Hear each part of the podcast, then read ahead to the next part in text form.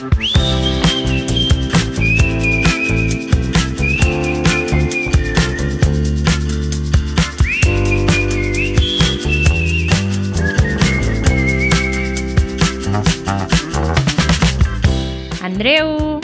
Sílvia, com estàs?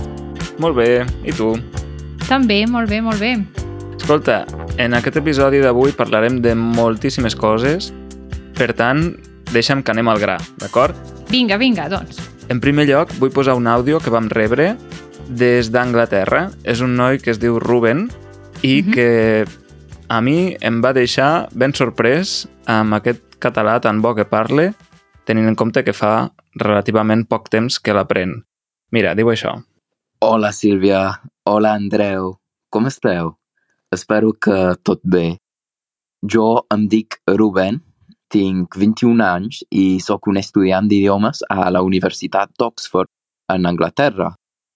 Fa uns 4 o 5 mesos que escolto el vostre podcast i volia enviar aquest missatge per donar-vos les gràcies pel vostre esforç. I per dir que el podcast m'encanta. Vosaltres parleu sempre de temes molt interessants i, per tant, per a mi és la manera més divertida d'aprendre el català. De fet, m'has inspirat a començar el meu propi podcast. Ole. És un podcast multilingüe on produeixo un episodi nou per a cada idioma nou que aprenc. Acabo de fer un episodi sobre el català, on explico per què vaig decidir aprendre la llengua i com m'han ajudat tant el vostre podcast i canal de YouTube. Ah. Com que parlo un català relativament lent, alguns dels vostres oients que tenen un nivell de català més baix poden trobar útil el meu episodi. Uh, el podcast es diu Language Nut i es pot trobar en Spotify, en Apple Music, uh, Apple Podcast, uh, etc. Moltíssimes gràcies per tot i fins aviat. Què? Déu-n'hi-do, eh? M'encanta, molt bé. Endavant, endavant amb el podcast i tot. Endavant amb el podcast. He de dir que m'he escoltat aquest episodi que ha fet en català perquè cada episodi el fa en una llengua diferent, Mm. no? I em sembla que n'hi ha un en grec, un en romanès, en castellà, en italià i aquest en català, no? Mhm. És un episodi d'uns 20 minuts, una mica més, en què parle doncs, una mica de l'origen del català i d'alguns recursos que fa servir ell per aprendre la llengua, no? entre els quals el nostre podcast. Ué. Aleshores, Rubén, enhorabona perquè t'expliques superbé en català en aquest àudio, però sobretot en el teu podcast. Continua així, esperem més episodis en català a Language Nut. I això, moltes gràcies per enviar-nos aquest àudio. Si algú més ens en vol enviar un, ho pot fer a través del web del podcast, que és easycatalan.fm, o a través d'Instagram, de Facebook o de les altres plataformes, com sempre. Oh, tant. Doncs el Ruben ha après el català, això ho explica en aquest podcast seu, l'ha après a la universitat, no? en un lectorat d'aquests, és a dir, gràcies a un professor o professora de català que hi havia a la seva universitat i gràcies a classes gratuïtes que s'oferien en aquest centre, no? Però potser no tothom té aquesta oportunitat d'assistir a les classes de la universitat, potser no tothom viu a prop d'un centre universitari o potser no tothom té la disponibilitat horària d'assistir a aquesta mena de classes. Aleshores, una alternativa per aprendre el català pot ser, per exemple, els cursos que oferim des d'Easy Catalan. Oh, i tant, aquestes classes particulars en grups reduïts que oferim a partir del 8 de gener. Si us hi voleu apuntar, encara hi ha places disponibles, com per exemple el curs de català intermedi de nivell B2. Si vosaltres creieu que teniu aproximadament un B2, que sapigueu que a partir del gener el B2 serà dilluns i dimecres de 6 a 7 de la tarda o dimarts i dijous també de 6 a 7 de la tarda. Per tant, si us va millor els dilluns i dimecres o els dimarts i dijous. Exacte. Altre cop, com vam explicar la setmana passada, aquests cursos són en grups reduïts de 3 a 6 persones, són sempre en línia i el preu és de 360 euros. Per tant, si voleu reservar la vostra plaça, l'enllaç us el deixem a les notes del programa, però recordeu que és classes.easycatalan.org. Això és per un trimestre, 3 mesos de classes. Tema del día. Molt bé, Sílvia. Doncs mira, l'altre dia vaig anar a un sopar d'empresa. Ah, molt bé, el de Nadal, ja. Exacte, sí. Ja s'acosta el Nadal, no? I moltes empreses fan això, que organitzen un sopar amb els treballadors, no? I I tant. tota la gent de l'empresa, una mica Mhm. per celebrar Nadal o simplement, doncs, aprofiten l'ocasió per fer una activitat extralaboral, no?, amb, amb els companys. Molt bé. I em va fer pensar això dels sopars d'empresa que molt sovint, ja sigui en empreses o en grups d'amics o a les escoles, molt sovint hem fet el joc de l'amic invisible. Sí. Segur que tu l'has fet alguna vegada, el joc de Sí. l'amic invisible. Mm -hmm. Podríem explicar en què consisteix aquest joc, per si algú no el coneix? Doncs l'amic invisible és un joc en què normalment un grup de persones posen els seus noms en uns paperets i els posen a dintre una bossa, cadascú agafa un dels paperets i li toca algú altre del grup. No et pots tocar tu mateix, sempre ha de ser una altra persona. I aquesta persona és a la persona a la qual li has de fer un regal. Has de comprar un regal en un dia que vosaltres decidiu, tothom porta els regals, es deixen a sobre una taula amb els noms i llavors cadascú agafa el regal que li han portat. I la gràcia és que no se sàpiga qui és aquesta persona que t'ha comprat el regal, el teu amic invisible, i amb el regal i potser alguna pista ho puguis descobrir. Exacte. Es diu amic invisible per això, perquè tu no saps mai qui és la persona que et fa el regal a tu. La majoria de les vegades ho saps a l'últim moment, en rebre el regal, però també pot ser que et donin pistes, no? Jo recordo que quan ho feia a l'escola Mm. donàvem pistes, intentàvem deixar algun missatge escrit en algun codi o alguna cosa per intentar donar una pista. No sé si Sí. tu havies fet això, Sí, inventar-te sí. un abecedari i llavors escriure aquell missatge i que la persona hagués de desxifrar el missatge, no? El que passa és que moltes vegades, quan fas l'amic invisible, ja ho saps. Ja saps qui fa qui, no? Vull dir, això de que arribi a l'últim moment i encara no ho sàpigues, de vegades és una mica complicat, eh? Sí, no, no és fàcil, però bé, la qüestió, l'altre dia, fa uns dies, vam parlar d'aquest tema al Discord, amb la comunitat, amb alguns membres, i es veu que, per exemple, a Colòmbia se'n diu amigo secreto, no se'n diu Ah, amigo invisi invisible, sinó amigo secreto, no? Una mica semblant Mhm. a l'anglès, que és Secret Santa. Mhm. Bé, i una cosa que em va semblar curiosa és que en altres llocs no es fa cap al Nadal com ho fem nosaltres, no? Aquí és típic de fer-ho, doncs això, poc abans de Nadal, no? En canvi, a Colòmbia, com ens va explicar el Camo, es fa al setembre. Ah, fixa't. No sé per quina raó, tampoc ens va explicar, ens ho va saber explicar ell, però es fa al setembre. Curiositats. Aleshores, jo et volia preguntar, tu amb qui has fet amics invisibles?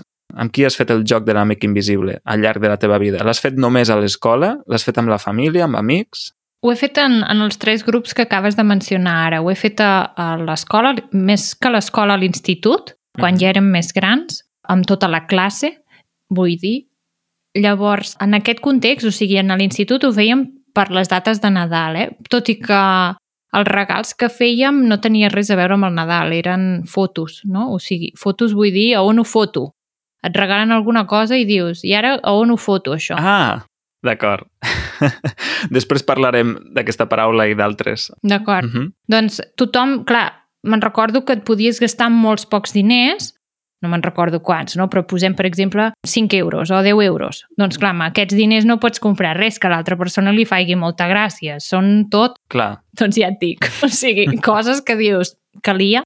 Potser no, però bé, és el que toca. Llavors, amb el grup d'amics també ho hem fet, el mateix, també per festes així assenyalades, com les festes de Nadal, i amb la família la idea és començar-ho a fer ara aviat, perquè, bé, com tothom sabrà, per Nadal hi ha el tio i els reis, que són unes, uns dies festius que en regalem molts regals entre nosaltres, però a mesura que et vas fent gran i que a la família potser no hi ha tanta canalla, no hi ha tants nens, de vegades cansa una mica regalar tantes coses a adults que tots tenen ja, ja ho tenen tot, no, no saps què comprar-los.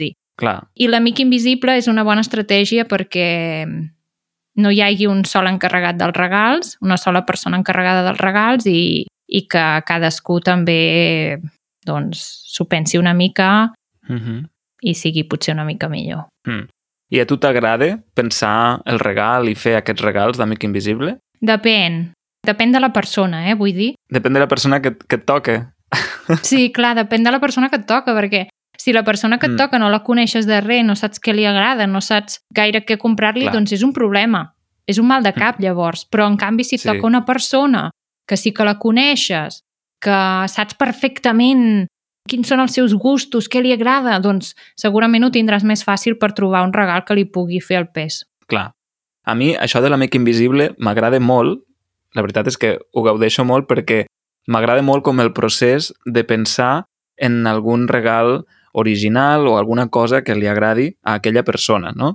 I alhora la, la màgia una mica de la sorpresa de no saber qui et fa el regal a tu i què serà el regal Mm. i això, no?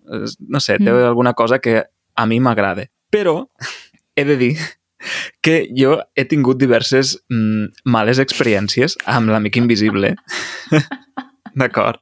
Començant, per exemple, amb un any que ho vam fer a, a l'escola i la persona que em va fer el regal a mi em va regalar un boli, un boli Bic, embolicat amb un paper d'Ina4 blanc. D'acord? D'acord?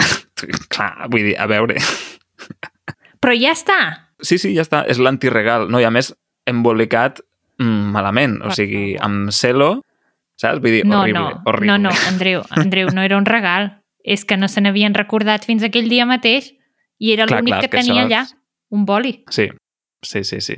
Després, eh, això ja més cap aquí, fa uns pocs anys, en un sopar d'amics en què la majoria, la major part del grup érem nois, doncs hi havia una noia, de fet crec que només hi havia dos noies i la resta tot érem nois. Doncs una noia va fer un regal i aquell amic invisible era anònim en el sentit que no hi havia noms assignats. O sigui, tu, cadascú havia de portar un regal i llavors fèiem un joc que servia per repartir aquests regals, però Uh, que En principi- complicat! sí, és a dir, en principi el teu regal havia de ser de servir per a qualsevol persona, Puf, d'acord? d'acord. Llavors et podia tocar qualsevol regal. Uh -huh. Doncs aquesta, aquesta persona, aquesta noia, va portar un joc de maquillatge. De, de, Molt útil, de coses de maquillatge molt que, útil. que, a veure, em sembla interessant si creus que els membres del grup són com nois molt moderns que estan oberts a maquillar-se, no? Però no és el cas. Per, perdona, perdona, Andreu, jo tampoc em maquillo. Vull dir, si m'hagués tocat a mi tampoc no l'hagués fet servir. D'acord, no, però vull dir, puc entendre que, no sé, que en aquest món en el qual vivim la majoria de persones que es maquillen són dones, no? Cada Sí. vegada hi ha més homes, Sí. són molt pocs, penso, però cada vegada n'hi ha més, i, no sé, vaig pensar, potser és un acte de modernitat, però no, no, o sigui, no. en fi, doncs aquell paquet de maquillatge em va tocar a mi, com a persona que no em maquillo, doncs el regal no em va servir de res. Pregunta del millor. Encara el tens? no, Oh. no, no, el vaig regalar a ma germana. Que ella sí que es maquilla. Que ella, en realitat, tampoc, però en ocasions sí. Llavors ja té més probabilitat, té més opcions de fer-ho servir que no pas jo. O si no, mira tu, que els nebots i nebodes juguin amb el maquillatge i ja està. També, també. Sí. En fi, aleshores, volia preguntar-te a tu si recordes com el pitjor regal d'Amic Invisible que has rebut o si tens alguna anècdota divertida. El pitjor no, però sí que me'n recordo d'un regal que em van fer eh, en una d'aquestes vegades que vam fer l'Amic Invisible a l'institut i que encara em dura. Ah, sí? Que va ser un I regal quin és? que va ser un regal que vaig pensar, fixa't tu. I és que amb aquesta, amb això que he explicat abans, no? que podies gastar-te molts pocs diners, doncs la persona, la- l'amic invisible, va comprar-me un munt, però un pilot, un munt, o sigui, imagina que encara ara em duren, de uh, pòstits. Ah, d'acord. I, I encara encara ara en tinc, i tots eren de diferents colors, i, i així, i encara ara en tinc i els faig servir. Carai, molt bé. Doncs sí, mira, és un bon regal perquè és una cosa útil, Sí, no? sí, sí. Molt bé. I algun regal que no t'hagi agradat gens, que no t'hagi... O sigui, que no hagin encertat gens els teus gustos? És que saps què passa, Andreu? que aquest és la majoria. Llavors intento oblidar... La majoria, no? Intento, intento oblidar-ho, però per això, per això no ho retinc. Però, no sé, ara m'ha vingut al cap una vegada que em van regalar amb això de... És que eh, és ben bé això de on ho foto. Eh, un, saps aquest... És que no sé ni com explicar-t'ho. Saps aquests pots de llapisos? bueno, un pot de llapis Hmm. o de bolis que, que té la canalla quan són petits, que dona voltes. Ah, sí, sí. Doncs me'l van regalar de color rosa, rosa, a mi, d'acord, de color rosa, amb purpurina, que donava voltes. I jo, i això, què cony he de fer d'això? Ja, Què n'he de fer d'això? Horrible, no? Horrible. Total. Eh, no va durar gaire, ja t'ho diré. D'acord, d'acord. Bé, doncs jo, tot i les males experiències i els regals poc encertats, he de dir que em continua agradant això de l'amic invisible i m'agrada, com he dit abans, el procés creatiu, perquè m'agrada fer regals una mica mm, estranys, és a dir, potser hi ha més d'una persona que li ha tocat un regal meu i pensa el mateix que jo amb el boli embolicat en paper, no ho sé. No, però, per exemple, No, però a veure, es veu molt si hi han pensat una mica o no. Sí, sí, sí. T'explico una anècdota, i és que en un d'aquests Amics Invisibles que fèiem amb els amics de Lleida, en què no sabies a qui li feies el regal, sinó que havia de ser un regal vàlid per a qualsevol persona, vaig fer un regal que era el següent. Era una capsa de cartró on a la tapa hi havia el començament d'una cançó coneguda, catalana, d'un grup que es diu La Trinca, que segur que el coneixes. Sí. I aquesta cançó és la de la patata, Uh -huh. no? Doncs a la tapa de la capsa hi havia els dos primers versos que diuen Diu la teoria de l'evolució que venim dels micos. Quina aberració, no? Quin sense sentit. Aleshores, hi havia un codi QR Sí. i si tu escanejaves el codi, et portava a aquesta cançó. D'acord? Per tant, el primer que s'havia el primer que s'havia de fer era escanejar el codi Sí, i posar a reproduir la cançó de la patata. sí, I llavors obrir la capsa sí. i a la part de dintre de la tapa hi deia la continuació, no? que és si és que és evident que l'home ve de la patata, perquè la cançó diu així, diu, Sí. i és evident que l'home ve de la patata, de la patata. D'acord. Dintre de la capsa hi havia només una patata, d'acord? Una, una patata enorme. I una llista de coses, o sigui, unes instruccions. I aquestes instruccions deien que la persona que havia rebut el regal havia d'aconseguir tota aquella llista de coses i posar-les dintre la capsa mentre sonava la cançó. Ah, Per tant, tenia el temps de la cançó per recollir o aconseguir tot allò. Aquesta llista de coses incloïa tota una sèrie d'objectes que els havien d'aportar la resta de convidats del sopar. Que I era, guai. per exemple, doncs, sí, do- doncs, per exemple, hi havia, eh, no sé, dos euros, eh, un, eh, no sé, un condó, un no sé què, coses molt variades, Boníssim. M'encanta. Vull Coses participar. molt variades, però que fossin coses de tots els participants del sopar, d'acord? I, per tant, que el teu regal, que el teu record d'aquell amic invisible fos això, fos el, el conjunt d'aquests objectes, no? Sí. Què va passar? Doncs que aquest regal va anar a parar a mans d'una persona que no va entendre Oh, res. No només això, sinó que en el moment en què es va entendre una mica i va aconseguir alguna d'aquestes coses, després els que les van aportar van agafar i les van agafar, o sigui, les van recuperar. És a dir, no va funcionar. En el meu Oh. cap, i jo crec que, no sé, crec que estava com ben pensat, però l'execució va fallar Oh, i al final va ser un desastre. Ostres. Però bé, coses que passen. Sí. També he de dir que la persona que va rebre el regal va ser una persona que va venir a última hora, que en principi no havia de venir, no formava part del grup d'amics, en fi, Ja. que no, no va acabar d'entendre de què anava la història, no? Coses que passen. Coses que passen amb, amb l'amic invisible. Sí. Està bé, això. Doncs està bé, això, està bé. Aquesta potser és una de les frases que poden sonar més en aquest context, no?, de l'amic invisible, quan reps alguna cosa i no saps què dir i dius, ah, està bé. Oh, oh, gràcies. Sí, gràcies quan poses cara de circumstàncies de no saber què fer d'allò que t'han donat, no? Aleshores, volia posar nom a aquestes coses que et donen i que tu després no saps què fer-ne, no saps on posar. Les fotos. Sí, i, i per això volia, abans t'he dit, en parlarem després, perquè tu has dit una paraula que jo no havia sentit, que és això de foto. Mm, Sí, les Un foto, fotos, no? Les no? fotos, on ho foto. Doncs mira, mm, m'ha agradat molt, perquè no ho havia sentit mai, però crec que està molt ben trobat. Clar, en castellà tenen el pongo, no? Sí, de, un pongo. ¿dónde lo pongo? Sí, sí. de dónde lo pongo, no? Mm. Doncs un pongo, aquell el Sí. típic objecte de ceràmica que és lleig a matar i que, no, s- que saps que no el posaràs en lloc de casa teva, doncs és un pongo, no? Aleshores, volia parlar de diferents opcions que tenim en català per dir això, no? Vinga. Una, i que em sembla fantàstica, és la que has dit tu, de foto, de on ho foto, Hm, del verb fotre. Sí. No? Per qui no conegui aquest verb, tenim un vídeo publicat amb no sé quants usos, Més de 15, em sembla que n'hi ha 18 explicats. Sí, més de 15. Doncs, a part de foto, que ja et dic, per mi ara està en el número 1 del rànquing, hi ha algunes alternatives que són, per exemple, andròmina.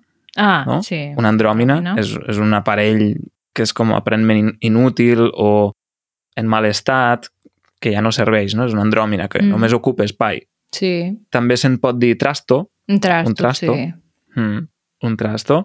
Després es veu que en anuncis publicitaris de l'any 2007 alguna empresa es va inventar la paraula què en faig? Un què en faig, Ah, tot junt, què en faig? saps? Sí, tot junt, què en faig? Què en faig? Mm. Però és molt, és molt forçat, eh? És molt forçat. Sí, és una mica forçat. Molt forçat. Sí. I una altra que és queco, un queco, Un queco. Ah, mira, aquest és Oh. maco. Queco, de què collons en faig? què collons en faig jo d'això? Un queco. Un queco. Mm. I el queco novell, m'ha vingut el queco novell al cap. Però sí, sí, queco. Home, doncs queco també Sí. té el seu, eh? Sí, m'agrada. Sí, està prou bé. Però, aleshores, amb aquesta paraula que has dit tu, de foto, tu què ho dius, en femení o en masculí? Un foto o una foto? O sigui, sempre, o gairebé sempre es fa com en plural, no? Em van regalar Mm. unes fotos, perquè és com, o sigui, mm, com t'ho dic, la idea és de què en foto, Mm. però perquè es, es confongui, o sigui, com si, fos, com si fossin les fotos, les fotografies, Sí. saps què et vull dir? Clar, és que abans quan has dit em van regalar unes fotos, jo el primer que Clar. m'he imaginat eren unes fotografies, no? Com Unes si fossin de Polaroid sí. o alguna cosa, sí. Clar, però regalar fotos vol dir re regalar pongos, o sigui, Clar. regalar què cony en foto, no? Què, què, què en faig d'això?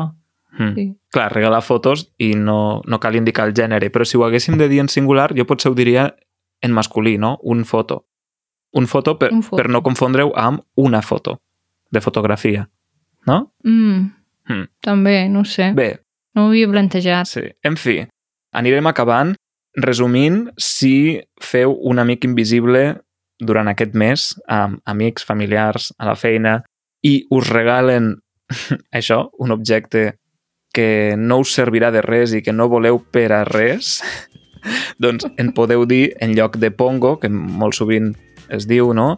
Doncs en lloc d'això podeu dir queco, foto o andròmina, per exemple, o trasto. Un trasto. Fantàstic. Doncs, Sílvia, deixarem aquí l'episodi, que ja ens estem allargant. Molt bé. Així que donarem les gràcies. A tothom, a la gent de la nostra comunitat per donar-nos suport més rere més. A tots els oients que arriben fins aquí al final de tot del podcast i també al Departament de Cultura. Fantàstic. Doncs, Sílvia, ara en el bonus t'explicaré una altra anècdota d'altres regals d'Amic Invisible que he vist o he fet. D'acord? Quina por. Vinga, Vinga, va. doncs, que vagi molt bé. Adéu. Adéu.